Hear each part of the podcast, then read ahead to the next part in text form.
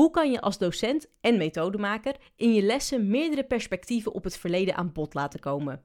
In deze podcast, Tussen Nu met Noordhof, praat ik, Nanda van Heteren, online met vakexperts, ervaringsdeskundigen en collega's uit het onderwijs, zodat jij op de hoogte bent van de laatste ontwikkelingen. In deze aflevering hoor je Annemiek Houwen. Zij is docent geschiedenis op het Dragster Lyceum in Drachten. En ook doet zij vakdidactisch promotieonderzoek naar beeldvorming bij leerlingen in de bovenbouw van het voortgezet onderwijs.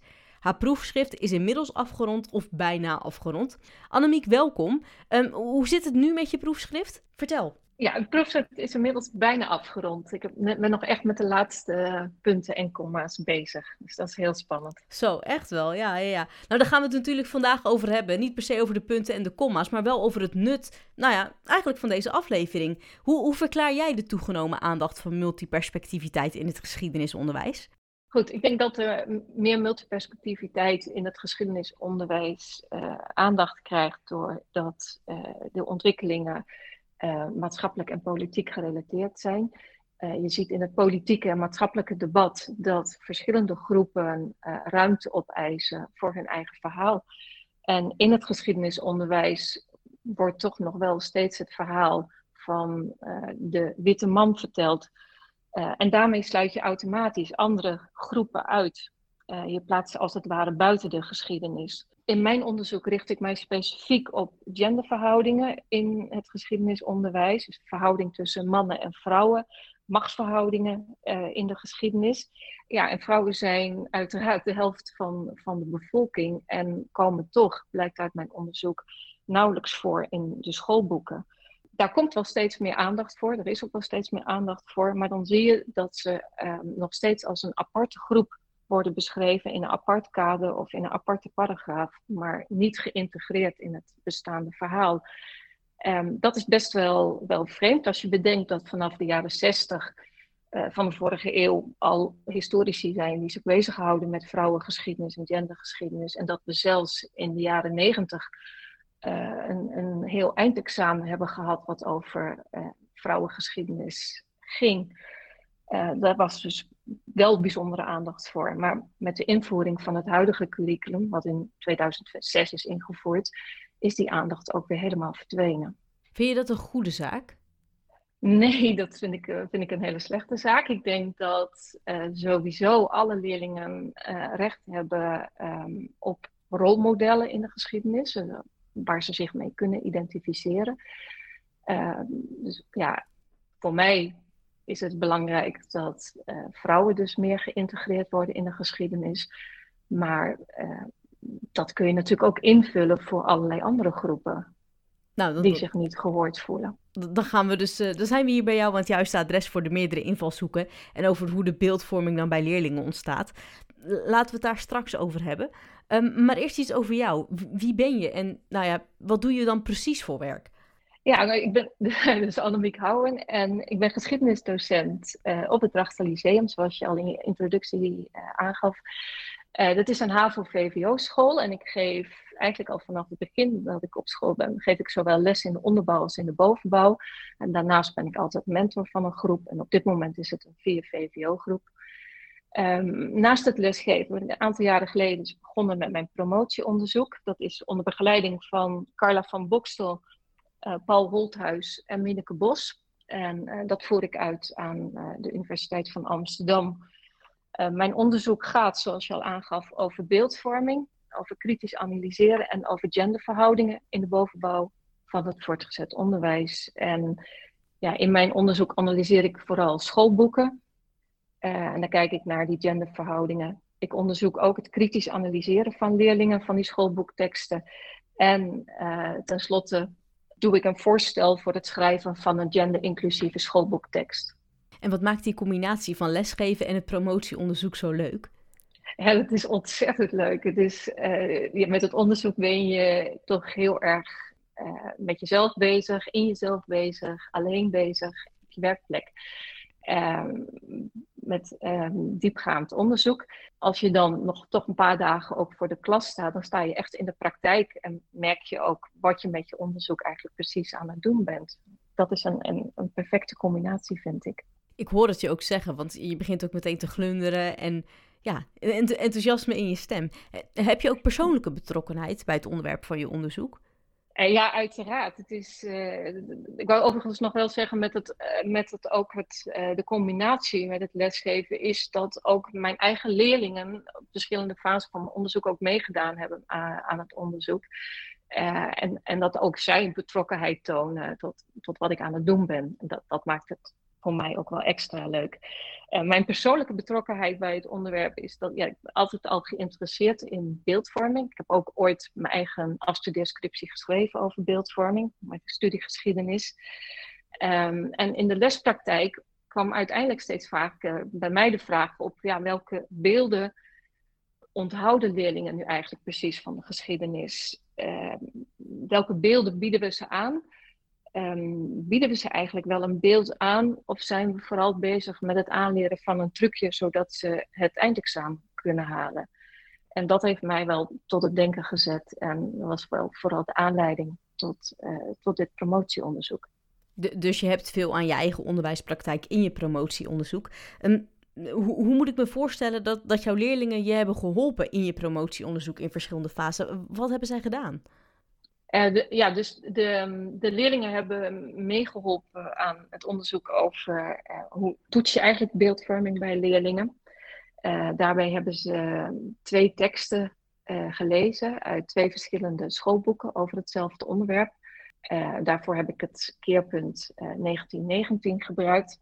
En de leerlingen kregen daar verschillende vragen bij voorgelegd. Een deel van de leerlingen hebben die vragen schriftelijk beantwoord en een deel van de leerlingen hebben het hardop denkend beantwoord in deze, deze vragen waren gericht, echt heel precies gericht op de teksten. Dus wat, um, wat wordt er precies in verteld? Welk woordgebruik hanteert de auteur? Welke personen worden er gebruikt? Wat wordt er eigenlijk weggelaten? Als je de twee teksten vergelijkt, wat valt je dan op aan de overeenkomsten en de verschillen? En hierdoor kregen die leerlingen inzicht dat, uh, ja, dat de auteurs eigenlijk een hele grote invloed hebben over, op wat zij voorgelegd krijgen, wat zij uiteindelijk moeten leren. Laten we het dieper gaan hebben over het onderwerp zelf en je promotieonderzoek. Uh, misschien is het dan een open deur hoor, maar in mijn lessen natuurkunde aan MAVO 2 merk ik het minder. Maar hoe merk jij aan jouw leerlingen dat in de lessen geschiedenis dat zij behoefte hebben aan multiperspectiviteit? Um, nou, dat, ja, geschiedenis is denk ik ook een wat geschikter vak dan natuurkunde daarvoor. Dat kan ik me heel goed voorstellen. Uh, wij behandelen natuurlijk heel veel verschillende uh, onderwerpen, maar waar de leerlingen bijna altijd mee komen, uh, is de vraag van waarom behandelen we zoveel Europese geschiedenis?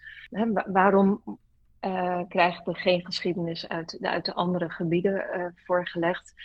Specifiek voor mijn school geldt ook, waarom staat er eigenlijk niks in het schoolboek over de geschiedenis van Friesland? Waar, waarom wordt Friesland helemaal niet besproken? Uh, dus dat, dat is al, al een, een aanknopingspunt om het over uh, verschillende perspectieven te hebben. Uh, dat aan de ene kant. Multiperspectiviteit is natuurlijk veel meer. De andere kant, de, de tweede, tweede kant eigenlijk van multiperspectiviteit, is dat dat wat ze voorgelegd krijgen, met name in de schoolboeken, dat dat ook maar één verhaal is van de geschiedenis. En dat is, vinden ze veel moeilijker om uh, te snappen. En daar moet je ze, denk ik, als docent veel meer bij helpen. Van, van ja, maar er zijn ook andere verhalen te vertellen. Vinden ze dat moeilijker omdat het de ver van hun bedshow is? Nou, ik, ik heb de indruk dat ze dat lastiger vinden, omdat de leerlingen heel graag gewoon de waarheid willen weten. Ze willen weten, ja, maar hoe zat het nu precies? En ze vinden het vaak verwarrend als je zegt van ja, maar uh, er zijn ook historici die daar anders tegen aankijken. Uh, het verhaal heeft meerdere kanten.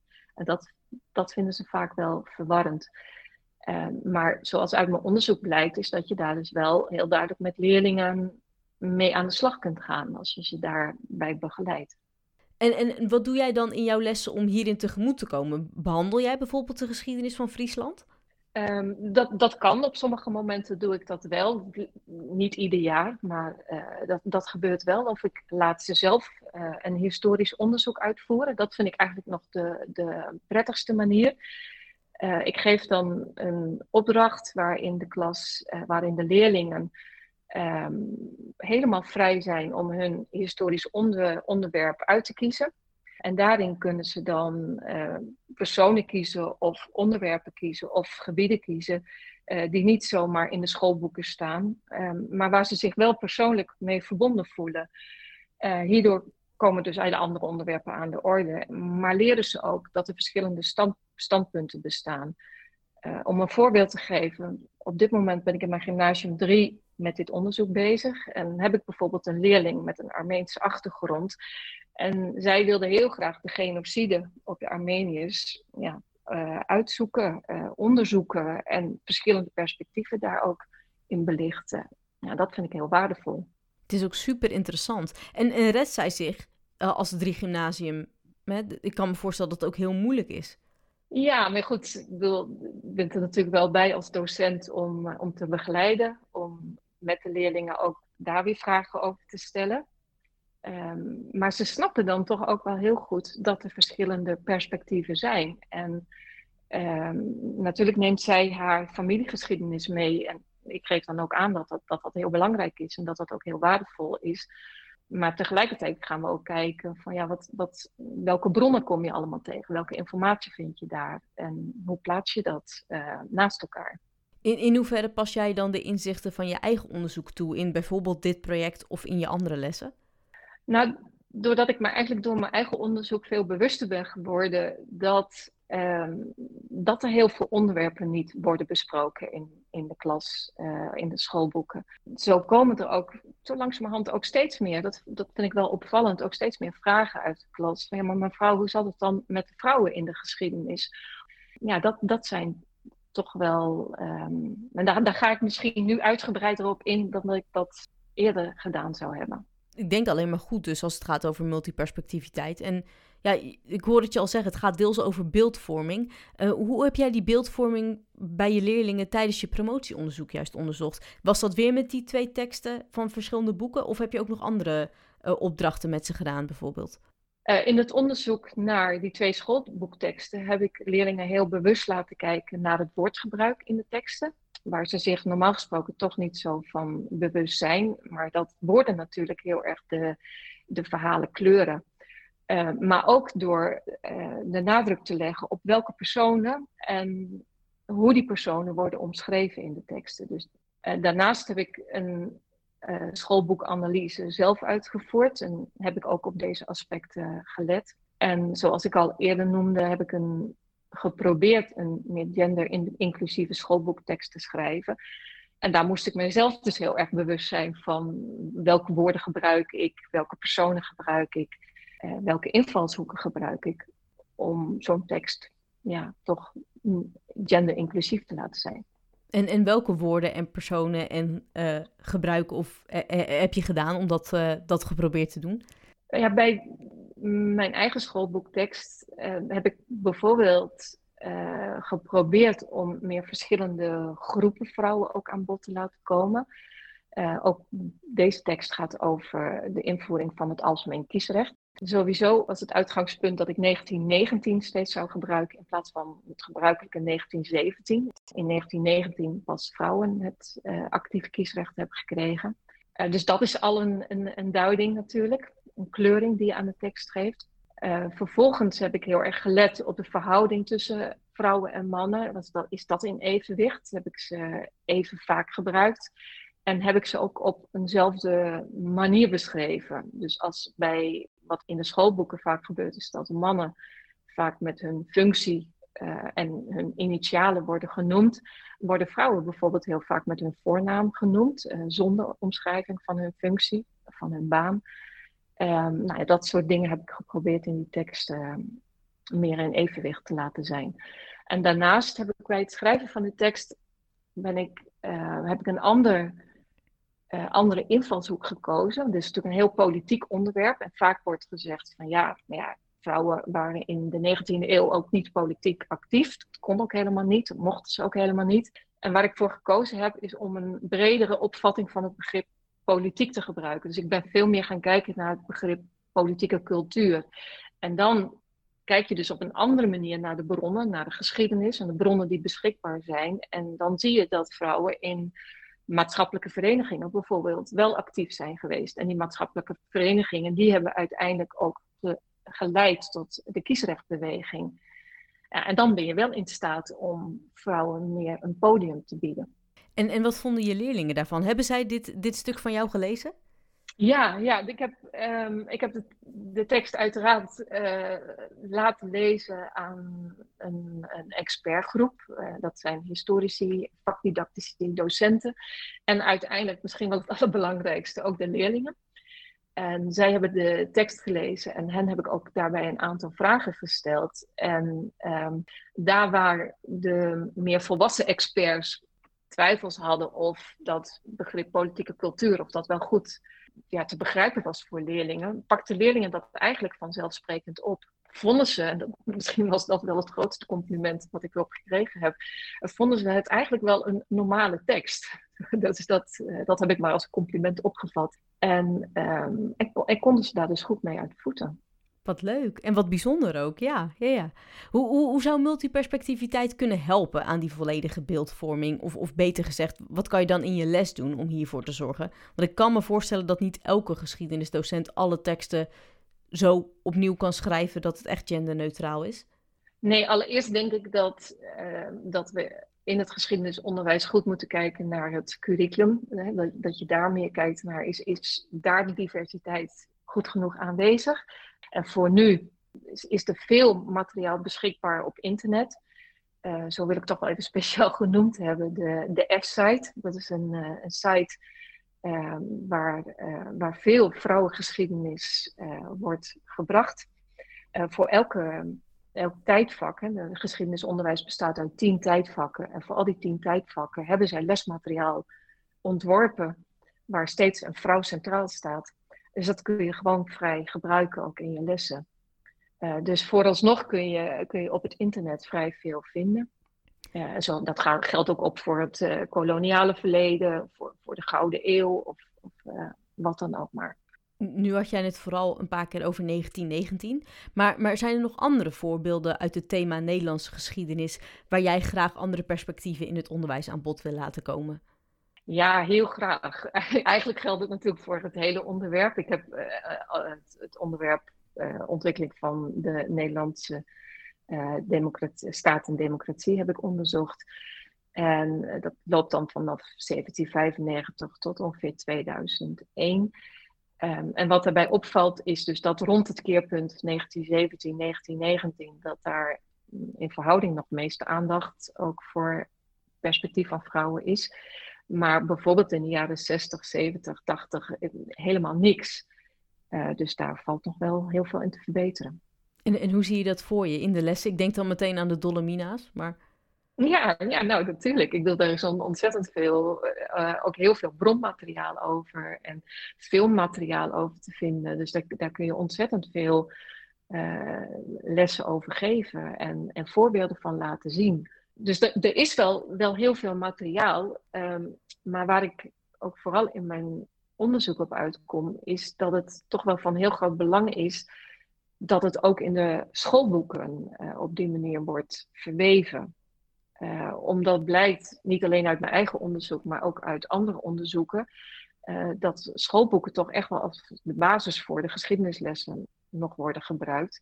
Ja, dat leerlingen die teksten echt als bijna als feiten uh, zien. Want zo is het gegaan, zo is het gebeurd.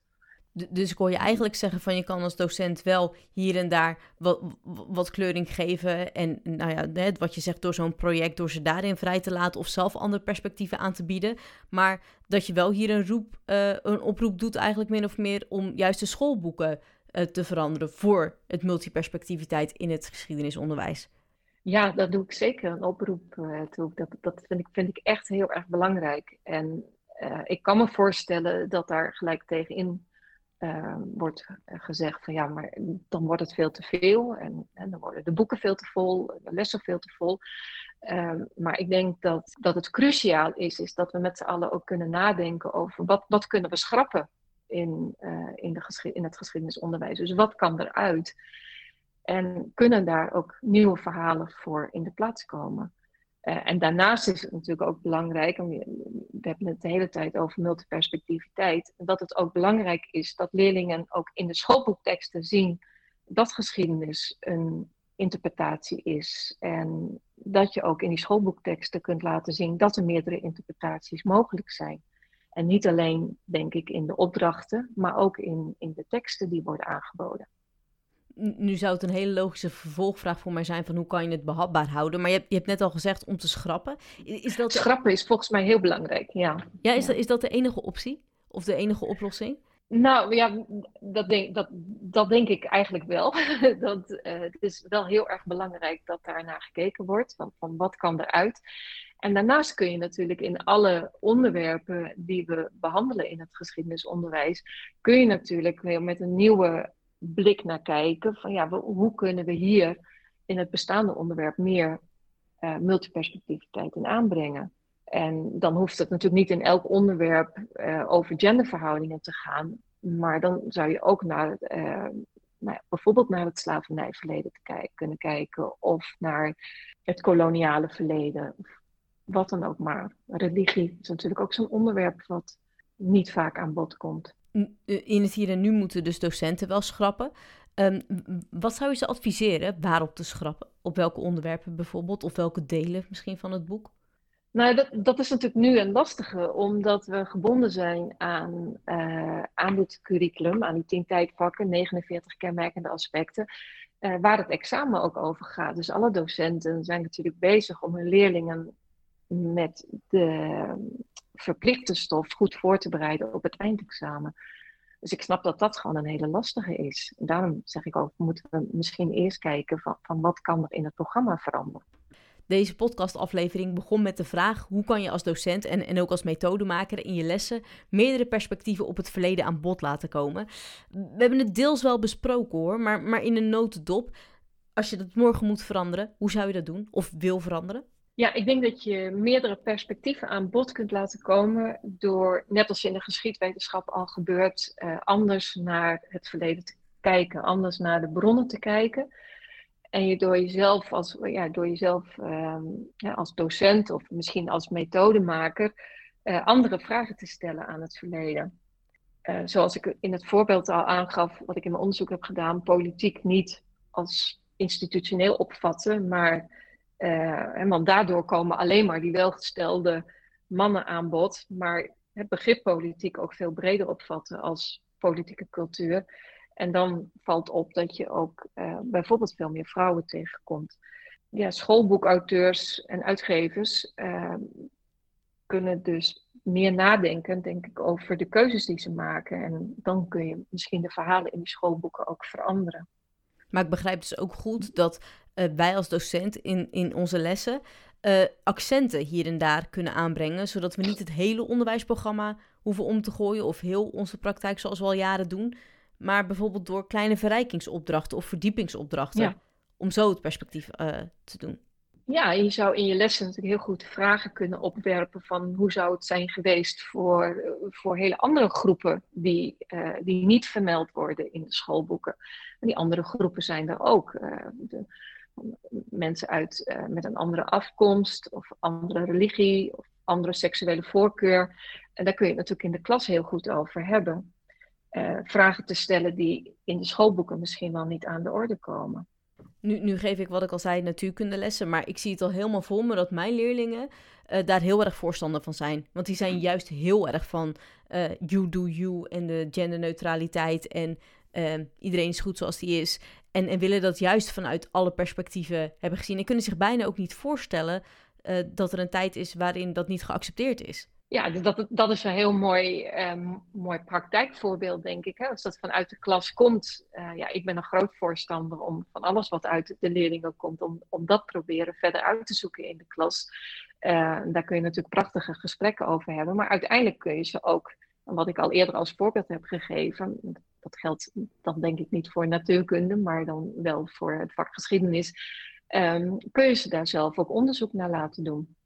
En, en, welke concrete tips heb je dan voor docenten om leerlingen ervan bewust te maken dat er meerdere invalshoeken zijn op het verleden? Als, als docent kun je dan um, leerlingen ook laten zien dat er, dat er andere bronnen beschikbaar zijn. Je, internet is overal in gebruik. Uh, je kunt ze, kunt ze overal op laten zoeken. En uh, je kunt ze dus persoonlijk laten uitzoeken wat, wat voor hun persoonlijk van belang is ook. Uh, en dat kan op willekeurige andere onderwerpen. Wat betreft jouw vak natuurkunde zou, zou ik het ook heel interessant vinden. De onderzoeken worden ook wel gedaan. Ja, hoe worden uh, jongens en meisjes in de, in de natuurkundeboeken afgebeeld? Uh, dus dat is even buiten de directe stof om. Maar wel hoe, hè, hoe worden ze gepresenteerd in de schoolboeken? En ook dat biedt natuurlijk gelijk al een gesprek met die leerlingen aan. Dus even resume. Wat je als docent kan doen is uh, accenten in je lessengeschiedenis aanbrengen, zodat leerlingen zelf uh, ruimte hebben om die verdieping of verrijking te vinden in meerdere invalshoeken. Of je kan het zelf aanbieden. Het, het gesprek aangaan van welke groepen worden nou in dit onderwerp minder belicht. Hoe komt het? Hoe zouden zij zich voelen? Of wat is er nou gebeurd? Uh, en, en het analyseren dus van de randen. Niet de teksten, maar daaromheen. En uh, wordt iedereen daarin goed vertegenwoordigd? Begrijp ik je goed? Ja, wat je als docent direct in de les zou kunnen toepassen, is bij, eigenlijk bij alle onderwerpen die we in de geschiedenis, in het geschiedenisonderwijs bespreken, andere verhalen aan bod laten komen. Een, een, voor de hand liggend voorbeeld is natuurlijk de Tweede Wereldoorlog. we hebben het veel in het geschiedenisonderwijs over het verzet.